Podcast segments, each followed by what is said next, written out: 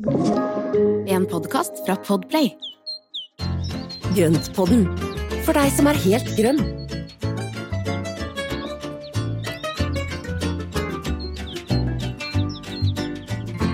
Hallo og velkommen til Grøntpodden i dag. Hallo, Espen. Hei Marianne.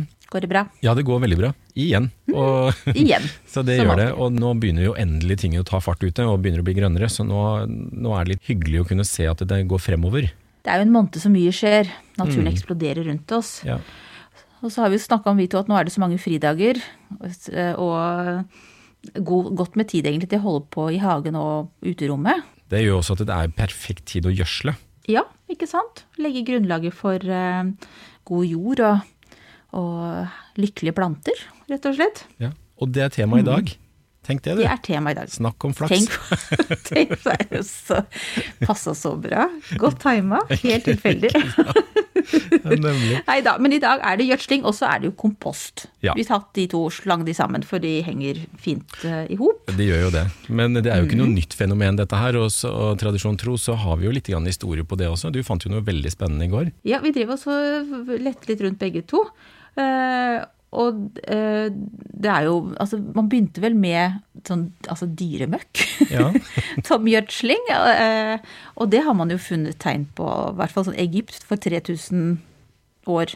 Mer enn det. Ja. Nesten 5000 blir det jo, for det var 3000 år før Ja, Kristus. før Kristus.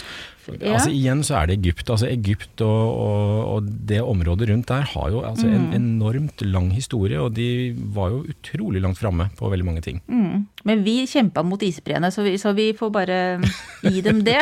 Og være litt ydmyke. Men så fant vi jo litt seinere, fortsatt seint da, eller fortsatt for lenge siden, men litt nærmere vår egen tidsregning, Mm. så var det jo Kleopatra var jo også opptatt av eh, hva som ga god jord. Ja. Og de var jo, ikke sant, det var jo viktig for dem. Så hun, eh, fant jeg jo ut, var opptatt av meitemark. Jeg er liksom ikke så glamorøst. glamorøs. Jeg ser ikke helt for meg Elisabeth Taylor som Kleopatra med meitemark eh, i fingrene. Men Nei. eh, hun forbød jo eksport av meitemark ut av Egypt. Det er kult. Så viktig var jo- det. Det er ganske kult. Men det gjør jo også, altså det viser jo også bare de, Allerede da så skjønte de hvor viktig meitemarken og mikrolivet er for jorda vår. Mm. Og ikke minst at det da har det viktig for nedbrytningen i hagen. Og, så Ja. det er jo helt, eh, det er helt rått altså, allerede for flere tusen år siden. Sånn er det. Det er ikke så mye nytt det vi har holdt på med i dag. Men vi skal i hvert fall snakke om det uansett, for det kan være ny kunnskap for oss. Det skal vi gjøre.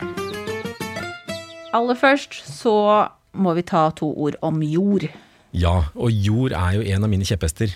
Viktigheten av å ha god jord er Mm. eh, altså som jeg sier, at rot og topp henger alltid sammen. Så for at planter skal kunne trives og ha det bra, så må de også ha en god, eh, god jord og et godt grunnlag for røttene, eller gode, godt miljø for røttene sine. Det er lett å glemme. Ja, men det er jo det. Tenker og da tenker jeg at ja, men det, det man ikke ser er fort å glemme. Det er jo det at Man ser jo bare det på oversida. Og eh, jord må jo ha masse organisk materiale for at det skal være god, altså det skal være mest mulig næringsgrunnlag for alt dette mikrolivet vi snakker om. Og Det er jo bl.a. meitemarkene til Kleopatra som, som hun tok vare på der. Men også har du alle mulige sånne biller og krypdyr og, og egentlig alt det som rører seg nede i bakken, som vi ikke ser. Og som spiser opp det som er, eh, ligger på toppen og suger det med seg nedover. Så blir det en god blandings. Ja, og på den måten så trekker de da næringsstoffene ned i jorda og gjør den porøs og fin, og at man da også har en, eh, en det man altså kan kalle en levende jord, for at den skal være full av mikroliv, og det at man da graver i jorda og finner meitemark, det er jo et godt tegn på at det er en god jord da. Det sa jeg, ja. Det blir alltid så lykkelig når jeg ser noen meitemarker som Ja, krabber rundt der. Men det er jo veldig hyggelig, og så er det en av de grunnene, altså en bonusen med å da ikke rydde for mye i hagen, gjør at det blir liggende igjen masse organisk materiale imellom i planter og i bed, og, og også i krukker og kasser på, på balkongen, for at der skal du også ha et mikroliv i jorda. Det akkurat det med å ikke rydde for mye i hagen, det faller meg veldig naturlig. Eh, Men jeg tenker jo at det har jo føltes som at jeg har vært litt sånn slapp. Fordi altså før så rydde man jo veldig. Det skulle liksom være pen, brun jord rundt Mm, plantene. ja. Eh, mens nå tenker vi annerledes om det. Ja. Ikke sant? Så det er jo kjempekult. Du kan jo Men, se på eh, naturen. Da, altså, det er jo ingen steder i naturen hvor det er åpen jord. Altså, det er jo Nei. alle steder i naturen, skog, Mm. eh, alle områder, så har jo da naturen en evne til å dekke til jorda, enten med da løv og nedfalls, altså eh, eh, organisk materiale som faller ned fra busker og trær, eller at det er vokst eh, til med da planter og gress og trær, altså busker og trær og alt sammen. Det er jo veldig få steder hvor man da finner naken jord, utenom da der hvor det har vært skade, hvor det, er, eh, hvor det har vært ras eller hvor det har vært sånne ting. Så det, det er på en måte en slags misforstått estetikk, det da. Ja. At man skulle ha pen, brun jord. Mm, det, er, det, er ikke, Ikke det er ikke bra for noen. Nei. Nei, så i hagen så skal vi jo da rett og slett forsøke å etterligne det kretsløpet som finnes ute i naturen, da. Mm. Med nedbryting. For å skape den samme gode jorden som eh, naturen fikser sjøl. Ja. Og det, Mm. og det setter vi jo da i system med bl.a. kompostering og, eh, og gjenbruk. Og det å gjenbruke alt det man har i hagen. Og, Mm. jeg er veldig opptatt av det at man ikke skal kjøre bort noen plante, plantematerialer, så sant ikke det er sykdom på det, eller at det, har noe, ja, at det er noe man vil ha bort. Mm. Men alt som er av næringsstoffer som man da kan gjenbruke i hagen, er jo bare bonus, tenker jeg. Så altså god jord, hvordan vil du definere det? Er det da kompost? Det er en god blanding. altså Det er en god blanding med, med delvis kompostert og kompostert materiale. altså Blader, kvister, greiner, det kan være kjøkkenavfall som da er kompostert. Som da er en eh, liksom god, feit jord, og så blandes den opp med vanlig hagejord, som da består av en del sandpartikler og, og steinpartikler i forskjellige størrelser. Og Det gjør jo at da får du en humusrik og en god, eh, god jord med da forskjellig nedbrytningsgrad på det organiske materialet. At du da Ja. kan ha, jeg, jeg tar jo til og med, og etter at jeg har kjørt kvistkverna i hagen, så tar jeg vare på de småkvistene og flisene. Så blander jeg det inn i jorda sånn som det er, uten at det har vært innom komposten engang. For at det, på den måten så driver det å brytes ned i jorda, slik at man da får en mer porøs struktur i jorda. Så en helt glatt jord er ikke liksom målet? Nei. Så hos meg så finner du pinnebiter og små, småkvast og rusk og rask, og gamle plantedeler som da er helbrutne ned, eller delvis brutt ned. Og så blander jeg alt dette sammen, og på den måten så får du en veldig mye småkryp nedi jorda. Og det er, jeg finner jo så mye meitemark at det er, de, har, de har fest. Hjemme alene-fest. Hver dag er en fest hos deg. ja, ikke sant. Men det er, det er veldig viktig, og, da, og jo mer man putter ned av sånt materiale, jo mer, altså mer sånn levende jord får du jo, ikke sant. Det er bare å pøse på. Mm. Det er ikke sånn at man tenker at man skal holde på med det en, en uke i året. Nei, nei, nei. Det er Dette eh, er en kontinuerlig prosess. Og så er det jo også noe med at når du klipper gress, eh, altså hvis du har gressklipper som, som bioklipper, sånn at du klipper at det ligger nedi, at det, avklipte blir liggende igjen, og så vil jo det gi næring til gresset.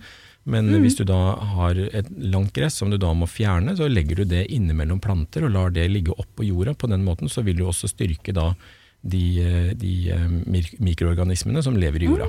Og Det var litt som vi Smart. snakket om tidligere, med det at man ikke spavender og gjør disse tingene i bedene. Mm. Lar, lar det få lov til å ordne seg litt sjøl. Ja, og ordner seg på Mm. stedet. Men du, kompost. Ja, Jeg vet jo at det finnes eh, ulike typer kompost, ja. men jeg vil jo veldig gjerne at du forteller litt om de ulike eh, variantene. ja men det kan jeg Kan, vi, gjøre. Og kan det, du føre oss gjennom det? kompostjord er jo hagens gull. Altså det er jo så næringsrikt og bra, og det er jo krutt for plantene å få, få tilførsel av det. I grove trekk så har du varmkompost og kaldkompost. Det er jo liksom de to hovedretningene som jeg, som jeg bruker eller kjenner til. Og eh, da har du jo kaldkomposten, og det er jo da plantemateriale, og det er løv, og det er gress, og det er alt det du da renser og tar ut i hagen, som da du vil kompostere. Og den eh, legger du da i en, f.eks. innenfor en sånn gittergrind, eller at du kan lage en haug som du da hiver denne komposten i. Og det er rent Så det går greit med en haug òg. Man, man Ja. trenger ikke å ha et sånn avlukke, på en måte. Nei, det blir jo litt penere, da. Det blir litt penere å ha stramma det opp. Men, mm. men da huske på innimellom å hive på også litt småkvist, at man da får noe mer struktur, at ikke det blir helt flatt. For at da får du veldig mye sånne, det de kaller for anaerobe prosesser, som da er gjett rett og slett at ikke oksygenet kommer til, og da blir det mye gjæring og mye dårlig lukt av det. Ja, at det råtner på en Ja. Det råtner mm, og blir litt det- mer guffent. Så Ja. ved å da hive på da enten flis fra kompostkvern eller småkvist som du da klipper av eller fjerner noen steder, så hiver du det innimellom alt, for at da får du litt luft innimellom alt det du, du legger fra deg i den komposthaugen. Mm. Og så kan du snurre rundt på den da ut på f.eks. på en gang i året, så kan du da hive den over i en ny haug, og så altså snurre rundt på det og plukke ut det som da er blitt til jord. Og så kan man bruke det. Ja. ja. Mm. Smart. Og så har jeg sett at noen vanner av og til, så jeg har også begynt å gjøre Ja, det. ja, vanning, ja, det glemte jeg å si. Vanning må, det, må til, det glemte jeg å si. Men det er, det er viktig at det, da komposten ikke er for våt, men skal heller ikke tørke. For at Er det da- for at det, prosessene stopper når det blir for tørt, Ja, eller hva er det, det som det. eh, Så du må, Ja. ha, egentlig, du må ha fuktighet for at det skal være gode prosesser i komposten. Ja, veldig greit å nå vite hvorfor jeg gjør det. Ja, ikke sant?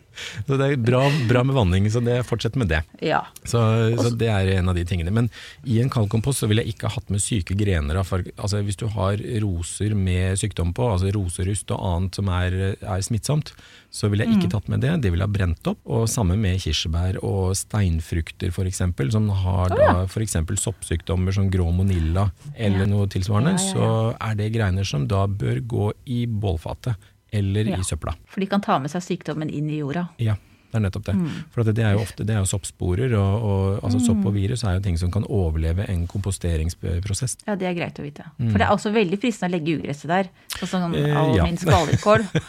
eh, men eh, jeg har forstått at jeg ikke skal gjøre det, så den putter jeg nå i en svart bøtte. Ja. Og det er, eh, det er veldig lurt å fjerne, og ikke legge verken ugressrøtter eller ugressfrø i kaldkomposten. Mm. Og det er rett og slett for at det vil spre seg. Så det man kan gjøre først, og det er det som en del gjør, det er også å legge ut en sort plastsekk i sola. Så legger du da røtter og plantedeler av ugress på den, sånn at den får lov å ligge en dag eller to og svie. Altså da, da tørker den inn og dør.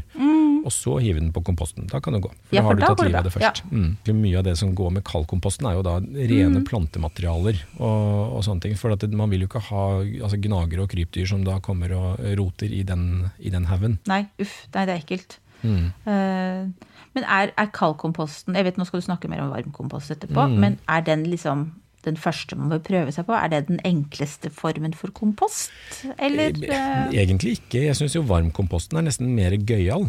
Eh, Ja. det, hvis man kan kalle kompost gøy, så er det jo Jeg syns det er gøy. For det er jo fantastisk å se alt det du putter inn i en, i en dunk. Og så ser du da ut i bånn, så får du ut fantastisk jord ut igjen. Det er, det er, er, Den prosessen er veldig gøyal, altså. Og, og jeg vet jo at man kan jo gjøre, eller skalere dette opp til å bli mye større. Og jeg vet jo sånn som hjemme hos mine foreldre, så har, jo, har de jo da laget en kompostbinge som går ned i plenen, så det er en luke i plenen, så du kan sope alt sammen nede.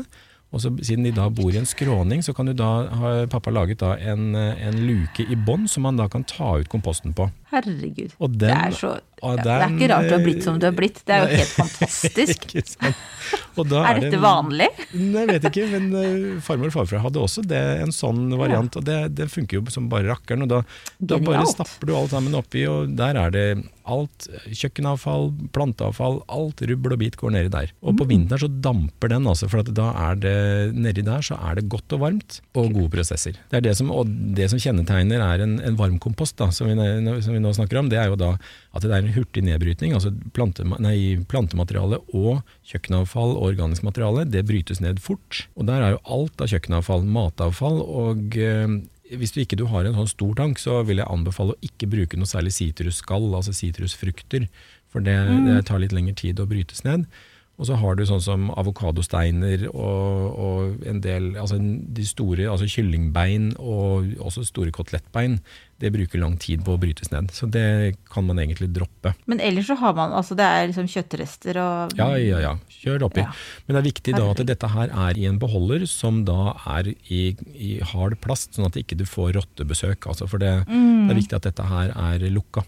Den, Ja, for det er derfor jeg kvia meg for å begynne med det. For det er, tro meg, det er nok eh, avfall å ta av her. Ja, ikke sant? Eh, Men, men, men vi har jo liksom Vi har litt eh, Det er mye mus og annet eh, som gnager rundt omkring. Ja, det, det finnes jo egne bokser for varmkompost. Med, noen har også temperaturmåler på, på fronten, så du kan se at det hele tiden er fart inn. Og hvis den da på vinteren, altså denne her bør jo være isolert, men hvis den da på vinteren ser at den blir kald, så kan man da hive oppi f.eks. litt, eh, altså løse opp litt sukker i vann, og så helle oppi varmt vann med litt sukker og sånne ting, for å få mer fart i prosessen på. Ja. Så, og i løpet av da ganske kort tid så bryter den ned og eter opp egentlig alt dette materialet, og så får du ut av sort gull som du kan blande ut i jord, eller å da legge rundt plantene. Ja, For du bruker ikke den komposten direkte Altså, mm, du skal potte om en plante, så bruker du ikke bare den Nei, komposten. nei, nei, det kan bli litt i kraftigste? Mm. laget. Ja, det blir litt i kraftigste laget. Så, det, og, så jeg pleier å da blande ut da kanskje en del kompost og ja, 70% jord f.eks. Og, og okay. noe sånt. Og for at da får jeg da en god blanding i. Men sånn som på rosebuskene, så får de en god spade rundt seg hver eneste rosebusk, og så hakker jeg det ned rundt planta. Og på den Ja, måten så har de en god ned matpakke. jorda da. Mm, og da får de en god matpakke utover sommeren. Men bruker du de to, altså nok kalkoposten og varmkomposten, bruker du det til forskjellige ting, eller kan man, blir det, blir det til slutt ca. det samme. Det blir ca. det samme. Det, Ja. Jeg tenker at den Varmkomposten opplever jeg at det blir litt mer næringsrik, og at det blir litt mer futtin. Mm. Sånn at den er litt kraftigere og kanskje blandes ut litt mer enn den kaldkomposten. For at det er jo okay. bare rene plantematerialer. Ja, akkurat. Men når du sier at det går hurtigere fordi, altså sånn kaldkompost, Cirka hvor lang tid bruker det De på sier å der, altså, brytes ned? ja, cirka det er jo sånn årssyklus, da, at man da bruker et Mm. år på den, og så kan man da lufte og spavende den, og så kan man da ta ut det som er jord, og så kan man da legge det som ikke er brutt ned, det kan man legge i ny haug. Og på den Ja, måten og så kan man rullere det. Mm, og varmkomposten, da? Nei, der, kan, der er det en kontinuerlig prosess, og jeg blir jo forundra over hvor mye dette her faller sammen. Altså, den kan være helt full, den der beholderen, og så bare boff, så detter den ned kanskje med 20 cm, og da er det liksom blitt omdanna. Kjenner veldig appell, altså. Ja, men så gøy! Det er jo det som er meninga. Elsker ting som går fort. Ja, og det, og det betyr at det, i sorteringa under kjøkkenbenken så er det én boks hjemme som da går utelukkende til varmkomposten, og det er alt som er av kjøkkenavfall som er nedbrytbart. Åh, det her må jeg få ønske meg til bursdagen, jeg, da. Altså, Ja. Varm kompostbinge. Gjør det. kan anbefales. Sexy. Ikke sant? Herlig. Dette er romantikk. Eh, Men ok, kald kompost og varm kompost. Men er det noen kompost som øhm, også kan brukes som gjødsel? Ja, det skal vi komme litt nærmere inn på.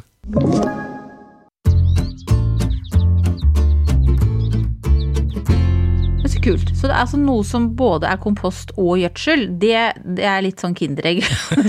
sånn, to ting på en gang. Elsker det. Men hva er det du tenker på da, Espen? Nei, det, er jo, altså det har du helt sikkert hørt om, og det er bokashi. Det er jo den Ja, ja, boksen under kjøkkenbenken ikke sant? Som man da kan ha, ha, hvor man da fermenterer matavfallet. Og det er jo en, eh, egentlig en veldig smart løsning på det. Jeg har ikke prøvd det selv, så jeg, er litt spent på egentlig hvordan å bruke det i, i virkeligheten. Men jeg kjenner jo flere som bruker det og er skryter veldig av det. Er det liksom varm kompost versjon 2.0? Altså litt sånn oppgradert uh, avansert? Eller er det, vil du si at det er noe helt annet? Det er egentlig noe helt annet. For at du, tar Ja. og, du har oppi da matavfall, og der kan du putte oppi egentlig alt du har på kjøkkenet omtrent. Og så legger du på noe strø som da gjør at du altså, som har en eller annen reaksjon med det matavfallet. Og så lukker Ja, det, det er altså så sånn er det der, ja. tett lokk, og så fermenteres Ja. det. Og Så det brytes jo, ikke ned? Nei, det brytes ikke Nei. ned, og det ser jo nesten, nesten likt ut når du da legger ut i bed. Ut fra det jeg har sett, så ser det nesten Mm. likt ut. Og så er det da nedbrytbart ute i blomsterbedet, eller ute i jorda. Ja. Så, så den, den står egentlig der og, og koser seg og fermenterer seg, og så bærer du det ut, og så graver du det ned etterpå. Og I den der boksen så kommer det ut noe væske i bunn, og det er en sånn, eh, eller en sånn bokashi-væske som de kaller det. Det kan du blande ut i vann, og så gir du det som gjødsel til eh, potteplantene dine. Ak ja, for der er det gjødselbiten kommer inn, ja. Ja. Mm. ja, men så smart. Høres veldig appellerende ut. Jeg syns det går enda raskere enn varmkompost, mon tro. Jeg vet ikke om det går fortere, men det er en litt annen måte å gjøre det på. Det det er i hvert fall mange som da skryter veldig av den, eh, den måten, og det er, det er litt flere prosesser egentlig. Men eh, absolutt en, en ting som er verdt å prøve. Men da er vi over på gjødsel egentlig, og gjødsel er jo også et kjempespennende tema. Ok, så vi kan jo si at bokashi er sånn bindeledd mellom tema 1 og tema 2 i dag, da. Ja. For uh, vi skal jo også snakke om gjødsel. Ja. Hvilke typer gjødsel finnes, lurer jeg på, og hva de brukes til. Og så Ja. satt jeg da, når vi forberedte oss i forkant av praten vår, så har Ja. jeg da regna opp benmel, blomel, fullgjødsel, kugjødsel, hønsegjødsel og grønngjødsel. Ja. Det var så langt jeg kom i sånn urangert uh, rekkefølge. Og det er, jo, det er jo et utall av forskjellige produkter der ute, og det er jo mye forskjellig gjødsel, men alt i alt så handler det jo om å gi da plantene den næringsstoff, eller de næringsstoffene de trenger for å, å ha god vekst. Akkurat som vi mennesker trenger vitaminer, og vi trenger vann, og vi trenger mat, og vi trenger altså byggestoff, altså byggestener i form av proteiner, og så trenger vi da vitaminer og mineraler og alt dette andre. ja. Og det gjør også plantene. Og den maten det gir vi jo gjennom gjødsel og god jord og kompostering. Og du vet jo at jeg har egentlig avslørt meg som sånn skikkelig dårlig på gjødsel fordi at jeg syns det var litt sånn luksus. Ja, og det, det er jo Det er mange som da sluntrer unna med den gjødslinga.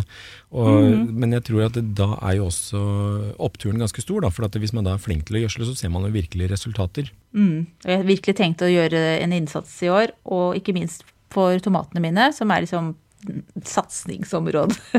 så så nå skal jeg bare liksom notere meg alt du sier, og så skal jeg eh, gjøre, forberede tomatbedet best mulig altså etterpå. Ja, Nei, og Det er en del ting som jeg ikke har brukt selv. og det er sånn som Benmel og blodmel det har jeg ikke brukt selv. Blodmel vil ikke funke hjemme hos oss, for at vi har to dachser. og da, da vil de grave opp alle bedene for å finne det blodet, og det, det funker Uh, dårlig. ja. Ja. Altså, jeg Eh. fikk jo både benmel og blodmel av søstera mi, som er gartner. Ja. Eh, men ikke så veldig mye instrukser. Ja. Men jeg i hvert fall vet at benmel det, det er mye fosfor i, Ja. så det er bra for frukttrær og blomster og sånn. Mm. Og blodmelet det skulle jeg da bruke på i grønnsakshagen, for det er rikt på nitrogen. ja. Så, så jeg har brukt det opp, og det, det ble bra, det. Eh, men jeg, jeg tenker at jeg kanskje skal også bruke litt annen type gjødsel enn det, da. Ja, ikke sant. Og det er jo, altså, Jeg har ikke brukt det selv, jeg har kjøpt benmel nå for at jeg skal begynne å, å ha det i, i jorda rundt en del av plantene mine, og, og skal teste det ut sjøl. Og det er veldig gøy å teste nye ting. Men eh, fra gammelt av så er det jo da kugjødsel og hønsegjødsel, altså det er jo den opprinnelige gjødslinga man brukte fra, ja, fra Egypt, ikke sant. Hvor Ja. man kasta husdyrmøkk utover jordene. Og det er jo det som da er god gjødsel. Og plantene bruker litt lengre tid på å ta det opp, men det er veldig bra for mikrolivet i jorda. Ja. Og så har du jo da den der fullgjødselen, eller da kunstgjødsel, som da er kjemisk eh, Det er jo kjemisk laga, og det er jo da en ja. blanding, eller det er en balansert forhold mellom f- nitrogen, fosfor og kalium. Altså NKP står jo for nitrogen, fosfor og kalium. Ja. Og det er jo da litt ulik balanse på det, avhengig av hva slags eh, effekt du vil at plantene skal ha. Jeg har liksom litt Jeg vet ikke hvorfor, men jeg, jeg, det er ikke det jeg helst vil ha i hagen. Men jeg vet jo ikke helt hvorfor. Eh, men? Det er vel bare fordi jeg tenker at det er best hvis det er litt sånn naturlig. Men er det noe, er det noe forskjell på om man bruker kunstgjødsel, som da altså er det samme som fullgjødsel, eller annen, annen type gjødsel? Ja, det er det. Det er egentlig stor forskjell. For at det er en kunstgjødsel, eller, eller da fullgjødselen, den er jo kjemisk sammensatt. Og den vil jo da være egentlig speed for plantene. Den er lett å ta opp. Det er som fast food, som da tas fort opp i plantene, og du får veldig kjapp respons i vekst og, og, og utseende på plantene. Men det som er at det er jo ingenting der for jorda. Det er ingenting som da vil eh, gjøre noe for mikrolivet i jorda. Åh, så det går bare rett på plantene? Rett på plantene. Og det Ah, betyr at det da, hvis du da bruker for mye kunstgjødsel, så vil du da utarme jorda, og så blir jorda veldig sånn der mager og ødelagt, egentlig. Eller ikke ødelagt, men den, du vil utarme jorda. Mm. Ja, Så litt det- stakkarslig. Ja, og, det så, og Ja. da vil du på sikt ikke kunne dyrke så veldig mye der. Eh, eller få så mye til å trives, uten å Mm. da fortsette å fylle på med den her kunstgjødselen. Men det som er om å gjøre da, det er at man da også bruker det med, med varsomhet. Også heller bruker naturgjødsel. da. Hønsemøkk, kukompost, eh, vanlig kompost. Eh, at du bruker det istedenfor, eller i tillegg til. At du lager basen med da naturgjødsel, og så kan du heller bare ha på litt grann ekstra med, med fullgjødsel på toppen, bare for å da gi den ekstra, ekstra boosten på toppen. Det sånn, du- Hvis man er litt utålmodig. ja, ikke sant? Nei, tenk ja. på kostholdet vårt. da, Hvis vi da spiser grovbrød og knekkebrød, og, og, altså grove kornprodukter og Mm. langsomme, langsomme karbohydrater, og, og spiser sunt og godt, så har vi jo mye mer langsiktig næringsopptak for kroppen. Og så er det jo da den fastfooden med sukker og, sukker og boller, og, boller og bakst, som da gir den der, de der blodsukkertoppene. ikke sant? Så da, det er jo egentlig litt av samme greia. Så Mm. Ja. Naturgjødsel gir den der langsomme, gode grunnnæringa, og så vil du da ha de der toppene, det vil være kunstgjødselen. Men man trenger egentlig ikke kunstgjødsel, da. Egentlig ikke. Altså Hvis du er Nei. god med, med ordentlig da, naturgjødsel, og da kan du også tenke på, på grønngjødsel og vekselbruk. Ikke? At ikke du, ikke du planter de samme plantene på det samme stedet hvert år, istedenfor at du velger en annen plante som trenger litt andre næringsstoffer. Ja, jeg prøver, ja, det prøver jeg litt nede i kjøkkenhagen. Ja, Eh, og jeg noterer meg Mm. hvor ting har stått. eh, For jeg husker det jo aldri fra år til år. Men jeg, jeg har tegna et lite kart over de bedene og, og prøver å følge det. For det er jo også gjerne en sånn rekkefølge, nå husker jeg ikke det helt i hodet, men det er jo liksom sånn først er det erteplanter og sånn, er det ikke det? Ja. Som liksom er, og så ert, og belgplanter de binder jo mye nitrogen i jorda, og det er jo mye av det som også brukes i dette som de kaller for grønngjødsel. Og det er jo, da dyrker du jo belgfrukter og erteplanter og noen sånne plantesorter som da binder nitrogen i jorda og, og, og gir da en del, eh, en del ekstra næringsstoffer som holder på stedet, og så bare pløyer det ned i jorda, sånn at da hele planta og alt sammen ligger nede i bakken. Så da komposteres det på stedet med alle næringsstoffene som er bundet ned. Ja, det er Det er jo, det er helt, det er jo helt fantastisk at naturen funker sånn. Så det, Ja, det er bare å bøye seg i støvet. ja. Ja. Så, så det er jo veldig mange forskjellige måter å gjødsle på, men altså hvis man da klarer å holde seg mest mulig til de der organiske, organiske materialene og, og naturgjødsel, så er det egentlig det beste, syns jeg, da. Og, og det er jo også, Du ser jo fort på planter når de ikke får nok næringsstoffer. for at det, det får de, kan de få deformert vekst, eller de kan få lyse, blasse blader. Jeg har jo et eksempel Ja. på, på det, hvor, eh, hvor den derre engletrompeten som, eh, som vi har snakket om før, med de der svære trompetblomstene som lukter så godt, det er en ekstremt sulten plante. Den vil ha mye næring, stor potte og mye mat. Den vil ha jo mye som mulig. Men der ser du at hvis den da har spist veldig mye, eller når har, den har vokst mye en, en stund, så ser du plutselig at bladene begynner å bli gule og blasse. Og da trenger den mer næring. Og aller helst så skal man jo gi næring før den kommer dit.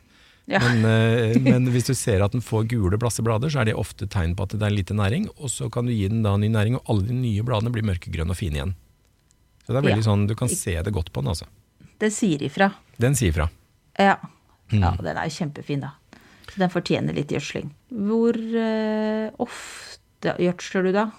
Og, liksom, og hvor mye i løpet av en sesong? Ja, hvor mye ofte? Det er jo litt avhengig av plantesorten og plantetypen. Og du har jo også igjen dette her med organisk, eh, altså organisk materiale og kunstgjødsel. Og du har jo også helgjødselen. Jeg har bare lyst til å nevne den også, fordi det er jo gjerne hønsegjødsel som er tilsatt litt ekstra næringsstoffer. Og hvis du da gjødsler med da dette her, så vil det holde over mye lengre tid, så da er det ikke så ofte du trenger å gjødsle. Oh, ja. Så ja. Men det var jo en fin kombinasjon da, Ja. av naturlig og kjemisk. Ja, ikke sant? Ja. Så, så det, det som er helgjødsel er jo da basert på rett og slett husdyrgjødsel, og så er det da eh, tilsatt litt ekstra næringsstoffer. Og eh, det kommer litt an på, Kan du ha stauder, og, eller har du, når du har stauder og en del planter som skal overvintre, så vil jeg stoppe gjødslinga sånn ut på sensommeren, for da skal egentlig plantene begynne å gå i dvale. Da trenger de egentlig å roe seg litt ned, og veksten skal liksom stoppe opp litt. Ja. Men eh, har du, har du da planter som skal bare prestere, altså det er jo da tomater, agurker og frukt, eh, eller nei, grønnsaker og sommerblomster, da er det bare å kjøre på så mye som mulig helt fram til siste slutt. For at de skal bare prestere i år, og dermed så er det bare, bare kjøre på. Kjør på. Ja. og det er liksom vi Det var, det var en veldig grei regel. Bare, ja. Skal vi leve i flere år, så roer du ned på slutten, og hvis ikke, Ja. så er det bare å kjøre på. Ja, og det var litt sånn vi snakket om, om når vi hadde om bukettbedet, ikke sant? hvor vi da bare, der er det bare å kjøre på med de, alle de ettårige plantene. Mm. Ja. Da skal de bare levere masse blomster. Mm. Så, det er egentlig veldig gøy å gjødsle, for da ser du plutselig effekten av det, og du kan se at du kan få en helt annen vekst og innsats fra plantene dine. Mm. Så det er helt verdt innsatsen.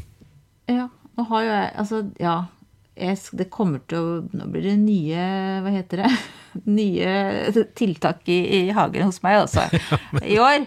Men jeg, men jeg har jo Jeg har jo laget brenneslevann. Jeg har et sånt svært gammelt Ja. badekar som står nede i kjøkkenhagen. Og den der jeg slengte opp i eh, brennesle og vann. Ja. Og så det har jeg brukt. Er det, er, er det regna som gjødsel? Vet du hva, eller Det er noe av det beste. Altså Gjødselvann og altså, du, du kan bruke brennesle, og du kan bruke tang og du kan bruke en del sånne ting. Og det, det som ligger og da fermenterer og, og, og gjærer opp i et sånt kar, det er Mm. gull. Det er så bra næring. Det er Thank you.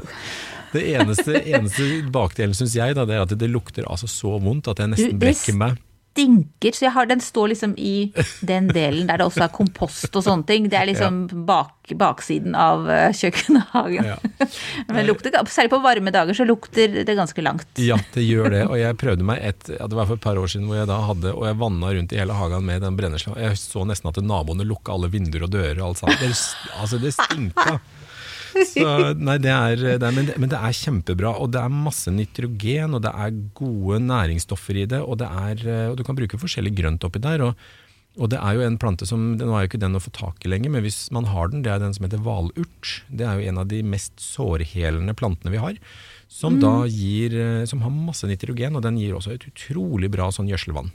Og sammen med okay. brennesle. Og brenneslen er, i Ja. seg selv er jo helt suveren, og den, den kan du også bruke å sprøyte mot utøy, altså lus og alt mulig rusk og rask som er av utøy på plantene. Hvis du da tar litt av det brenneslevannet og blander opp ja, vet ikke, halv og halv med, med vann, og så dusjer du det over plantene med lus. Da, Mm. da orker ikke lusa være der heller.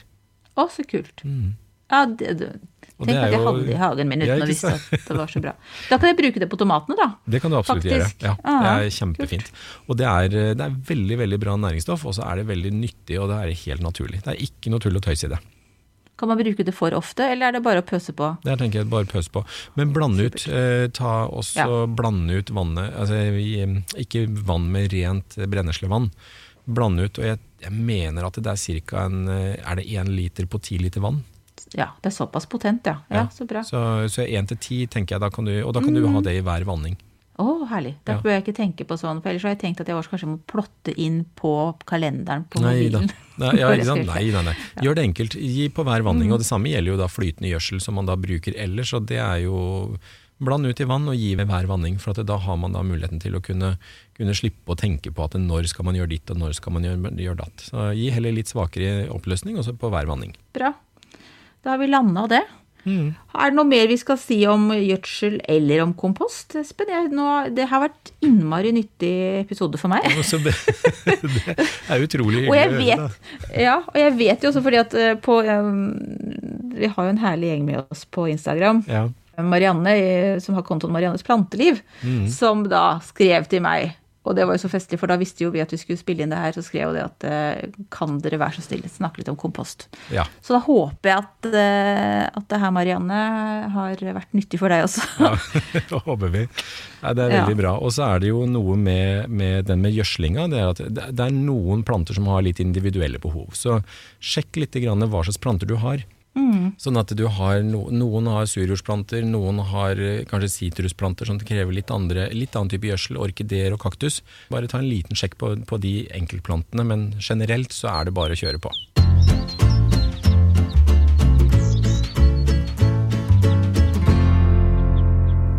Da er vi tilbake til et av våre faste punkter, som er ukas plante. Og i dag så er det du, Marianne, som har tatt og funnet en plante. Jeg gleder meg. Ja, gud. Ja, jeg er litt spent, da. altså, dette var det mest eksotiske jeg kunne finne på. Ja, men nei. Men det var i hvert fall Jeg syns det var en eh, Det var en spinat, malabarspinat, som jeg prøvde i fjor, og som jeg syns ble så fint. Den er da altså Det er en kommer fra Asia opprinnelig. Og det er um, Den klatrer så fint. Jeg har brukt den som dekorasjon, men man kan også spise den. Ja. Eh, Den er utrolig fin, altså. ja, den er kjempefin, for det er da herlig litt sånn juicy grønne blader, og så er det en nydelig sånn dyp rød stilk. Og så kommer det etter hvert små hvite blomster. Ja. Um, og så vidt jeg husker, så tok det litt tid før den, den begynte Den er, litt, den er ikke kronglete. Altså, jeg fikk det til, så det er, vi snakker her lavterskeltilbud. men men det, det tok litt tid fra jeg sådde dem til um, til det kom noe. Men Ja. ikke sånn urovekkende lang tid. Men liksom, det er ikke sånn, det dukker ikke opp dagen etter. Men, man kan jo da gi litt undervarme. Altså Undervarme får ofte frøene til å komme kjapt, sånn at det, kanskje Ja. det er det som eh, ja, det, Kanskje det kan hjelpe litt. Ja, ingen kommentar på det, men det kan godt hende at det hadde hjulpet. Uh, uh, men det som var så kult, var at den da den holdt liksom så lenge. Den var veldig dekorativ, og de der nydelige blå blomsten, eller små blomstene som kom etter hvert, det, var, det gjorde seg veldig godt. Ja. Så den, den var et alternativ til uh, Ellers så er jeg jo veldig glad i Kobea og, og klematis og Ja, ikke eh, og sånn, men den var sånn ett år Den kan visst overleve. eh, Min har ikke gjort det. men den kan, hvis man klipper den helt ned og sånn, så kan den visst også da gjenopplives neste år. Ja. Men altså, jeg fant ut nå at jeg har faktisk ett frø igjen i frøposen min. ja, Det er utrolig så, gøy, jeg- så da. jeg lurer på om jeg kanskje skulle prøve lykken. Og se om den fungerer i år også. satse alt på det, alt på det ene frøet. Yes. Så, nei, men så det var i hvert fall det var den. Ja, Ja. men Det er en kjempefin plante, og det er jo også veldig gøy igjen. Dette her med spiselige planter, det er jo noe, noe jeg er veldig opptatt av. Så det er jo veldig morsomt Mm. at man kan både spise både blader og blomst og alt sammen. Ja, og du, før vi avslutter dette, Mm. denne avdelingen, så må jeg si at jeg har skrevet ned det latinske navnet også. Ja, hva er det? Ja, Bacella alba. Basella Og den, alba. Type, ja, og den Mm. typen av malabarspinat heter det rubra. Ja, Sånn. Syns du jeg klarte det? Vet Var det Marianne, sånn som du dette her pleier å var gjøre det? kjempebra. Det var veldig bra. Jeg fikk veldig lyst til å prøve den sjøl, og den, eh, den, eh, den eh, Jeg har sett den på frøpakker fra, ja, i nettbutikker og sånn, så jeg skal jomme meg Ja. inn. Kan hende at jeg må gjøre en liten bestilling til. Ja, og det kan hende at det er litt sånn Det skal helst sås, tror jeg, i april, skal vi se. Men det er jo lov å prøve nå. Vet du hva, Det er alltid lov å prøve, og det er jo ja. det er alltid lov å prøve. Det er det. Mm. Kult. Mm. Så bra. Nei, men så bra. Da overtar jeg stafettpinnen på disse, denne, eh, siste, siste, disse faste spaltene våre. Mm. Vi har jo også ukens spørsmål, Ja. og der hadde du et spørsmål. ja. Eller ikke du hadde ikke et spørsmål, men vi har fått et spørsmål. Jeg har. Mm. fått et spørsmål, og det, og det er faktisk et spørsmål som er kommet fra flere, og det er jo kjempeverbena. Mm. Kjempeverbena er jo disse nydelige, høye, slanke, sånn lette, eh, blå, små skjermene som da vaier i vinden. Og som Er så fine. Ja, det er kjempefint. Og de strekker seg ofte litt høyere opp enn de andre plantene, og så er de utrolig gode til, eh, til insektene, og humler og bier og sommerfugler og vet ikke hva. Og, eh, men det som er problemet, det er at mange sliter litt med å få de frøene til å spire. Ja. Og det er jo da gjerne en tidlig, det er en tidlig igangsetting som er nøkkelen, og det er ja, gjerne januar-februar. Så bør de frøene i bakken, eller de bør legges opp på jord, og så legge på litt grann sånn vermikulitt oppå. Mm. for, eh, for å da gi eh, fuktighet rundt frøene. Men det som ofte kan være nyttig, det er å gi dem en kuldeperiode. Og de skal Eh, stratifiseres. Ja, de skal stratifisere. Der smalt du til, du. Det var bra. det er akkurat det de skal, Marianne. Så det, Ja, og det betyr at de da må ha denne kuldeperioden for å igangsette og for å da trigges til å spire. Og Mm. eh, kjempeverbena overvintrer jo ikke ute, den kan tas inn og overvintres inne, sammen med pelargoner og fuksia og alt mulig annet rart som vil overvintre frostfritt. Mm. Og så de plantene som står igjen ute, de dør. Eh, Men de hiver jo fra seg masse frø, og mange av de frøene de vil jo spire året etter. Så man, mange kan oppleve at det titter opp kjempeverbena rundt omkring i blomsterbed, der hvor de har stått i fjor. Akkurat. Så da har de frøene fått en stratifisering med vinteren, og så kommer de opp på våren igjen. Så, men de er litt seine i utviklingen, og derfor så kommer jo ikke da blomstene før seint på sommeren. Eh, Det er derfor vi også skal prøve å, å forkultivere de fra januar-februar. Mm. Så det er en av de som man skal begynne med aller først, da. Er det Ja. sammen med denne blod... Sammen med blodbegeret. eh, Ja, ikke sant? Ja. Så det er en av de, de tingene som er lurt å starte med tidlig. Men hvis man har da overvintra de, og det har jeg gjort i mange mange år, og det funker kjempebra. Så har du overvintra de, så klipper du bare av biter av stilkene, stikker i potte, begynner å vanne, og så setter de røtter for altså superenkelt. Og i løpet av bare to-tre uker så har de slått røtter, og da har du nye planter som du kan dyrke videre på uten å måtte frø, så frø. Men nå skal jeg være veldig ærlig Mm. og bare si at jeg har da trodde jeg hadde overvintra mine inne Mm. på stallen. Ja. De ser veldig døde ut. Jeg har prøvd å gi dem litt vann underveis. Men er det liksom er det, Skal jeg gi opp nå? For jeg vet at de på den nærmeste gartneriet mitt så har de jo kjempefine Vet du, planter. da planter. vil Jeg jeg, da vil jeg ha kjøpt en ny. Takk. Takk, da fikk jeg lov til det. Ja, men da, da blir det de andre til kompost. Ja, og, det er, eh, og ser den død ut, så er det ikke noe vits i kanskje å, styre for mye ser så død ut, alle sammen. Ja, ja men Da ville jeg tatt og, og kassert den, og så ville jeg ha kjøpt en ny. For det er kjempefine planter å få tak i, i eh, på gartneriene nå. Ja, da skal jeg gjøre det. Men hva, hva annet skal vi gjøre nå, da?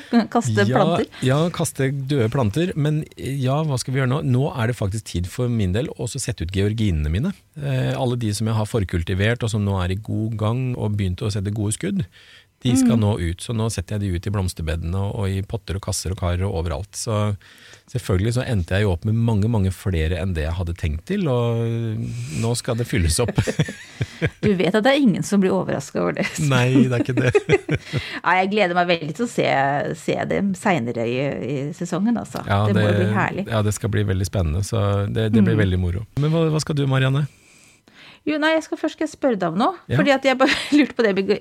Hvor, liksom, hvor, hvor mye skal disse skuddene være over jorda før man kan plante dem ut? For mine har, er litt treigere enn dine, så de har liksom akkurat hoppa over kanten. Men de Ja. ser veldig friske og raske ut. Men skal jeg la dem stå inne litt til? Det, altså, når de står i pottene, så vokser de litt fortere, for da får de jo varme inn fra siden av pottene. Så, så da vokser de litt fortere, for nede i bakken så er det litt kjøligere, og da, da, da går veksten litt grann langsommere. Så hvis de er eh, små, kompakte og fine, så kan de godt stå litt grann til.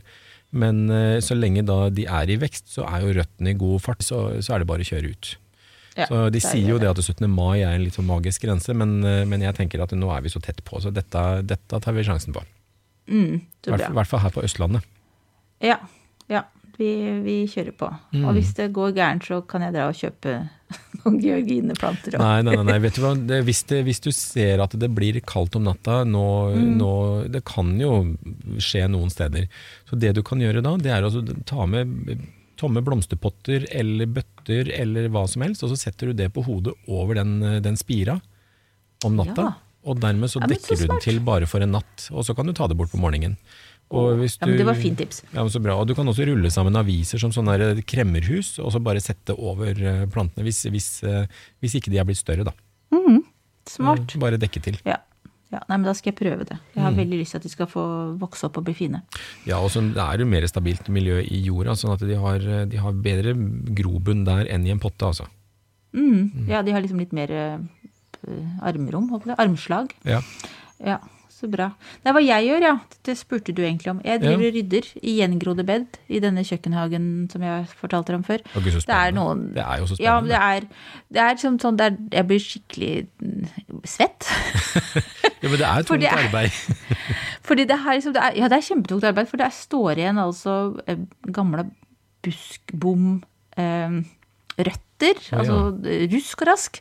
Så, de er, så det er bare å finne fram den gode spaden og bli kvitt det. Så, men det er, det er veldig givende når man er ferdig med sånn økt og har tatt seg en dusj. Så er, er liksom Det er sånne terskler, på en måte. Det er liksom sånne hindre som da er, eh, er tilbakelagt. Så det er en veldig god følelse. Så det, Og så mm, trenger så du ikke treningsstudio.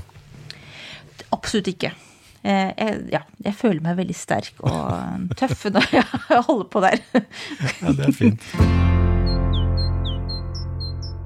Ja, men da gjenstår det bare for oss å, å fortelle om hva som vi skal gjøre neste, eller snakke om neste, neste gang. Ja. Da blir det et dypdykk i hagedammen. ja, og det gleder jeg meg Ja. veldig til, for at det er det noe jeg brenner for, så er det jo vann i hagen. Ja, Jeg gleder meg også. Det er, jeg tror jeg bare, Da skal jeg bare finne fram tekoppen og, og lene meg tilbake og høre på deg fortelle om hagedammer og fisker og alt som herlig er. Er. Men, eh, men det er ikke nå, det er eh, neste episode. Ja. Så da er det jo bare å si takk for i dag. Følg oss i sosiale medier. Og eh, spør oss og tips oss, og ja. Ja. Og så, så, høres vi. Og tagg oss, så får vi delt videre. Ja. Tusen takk for i dag, alle sammen. Ha det bra. Ha det.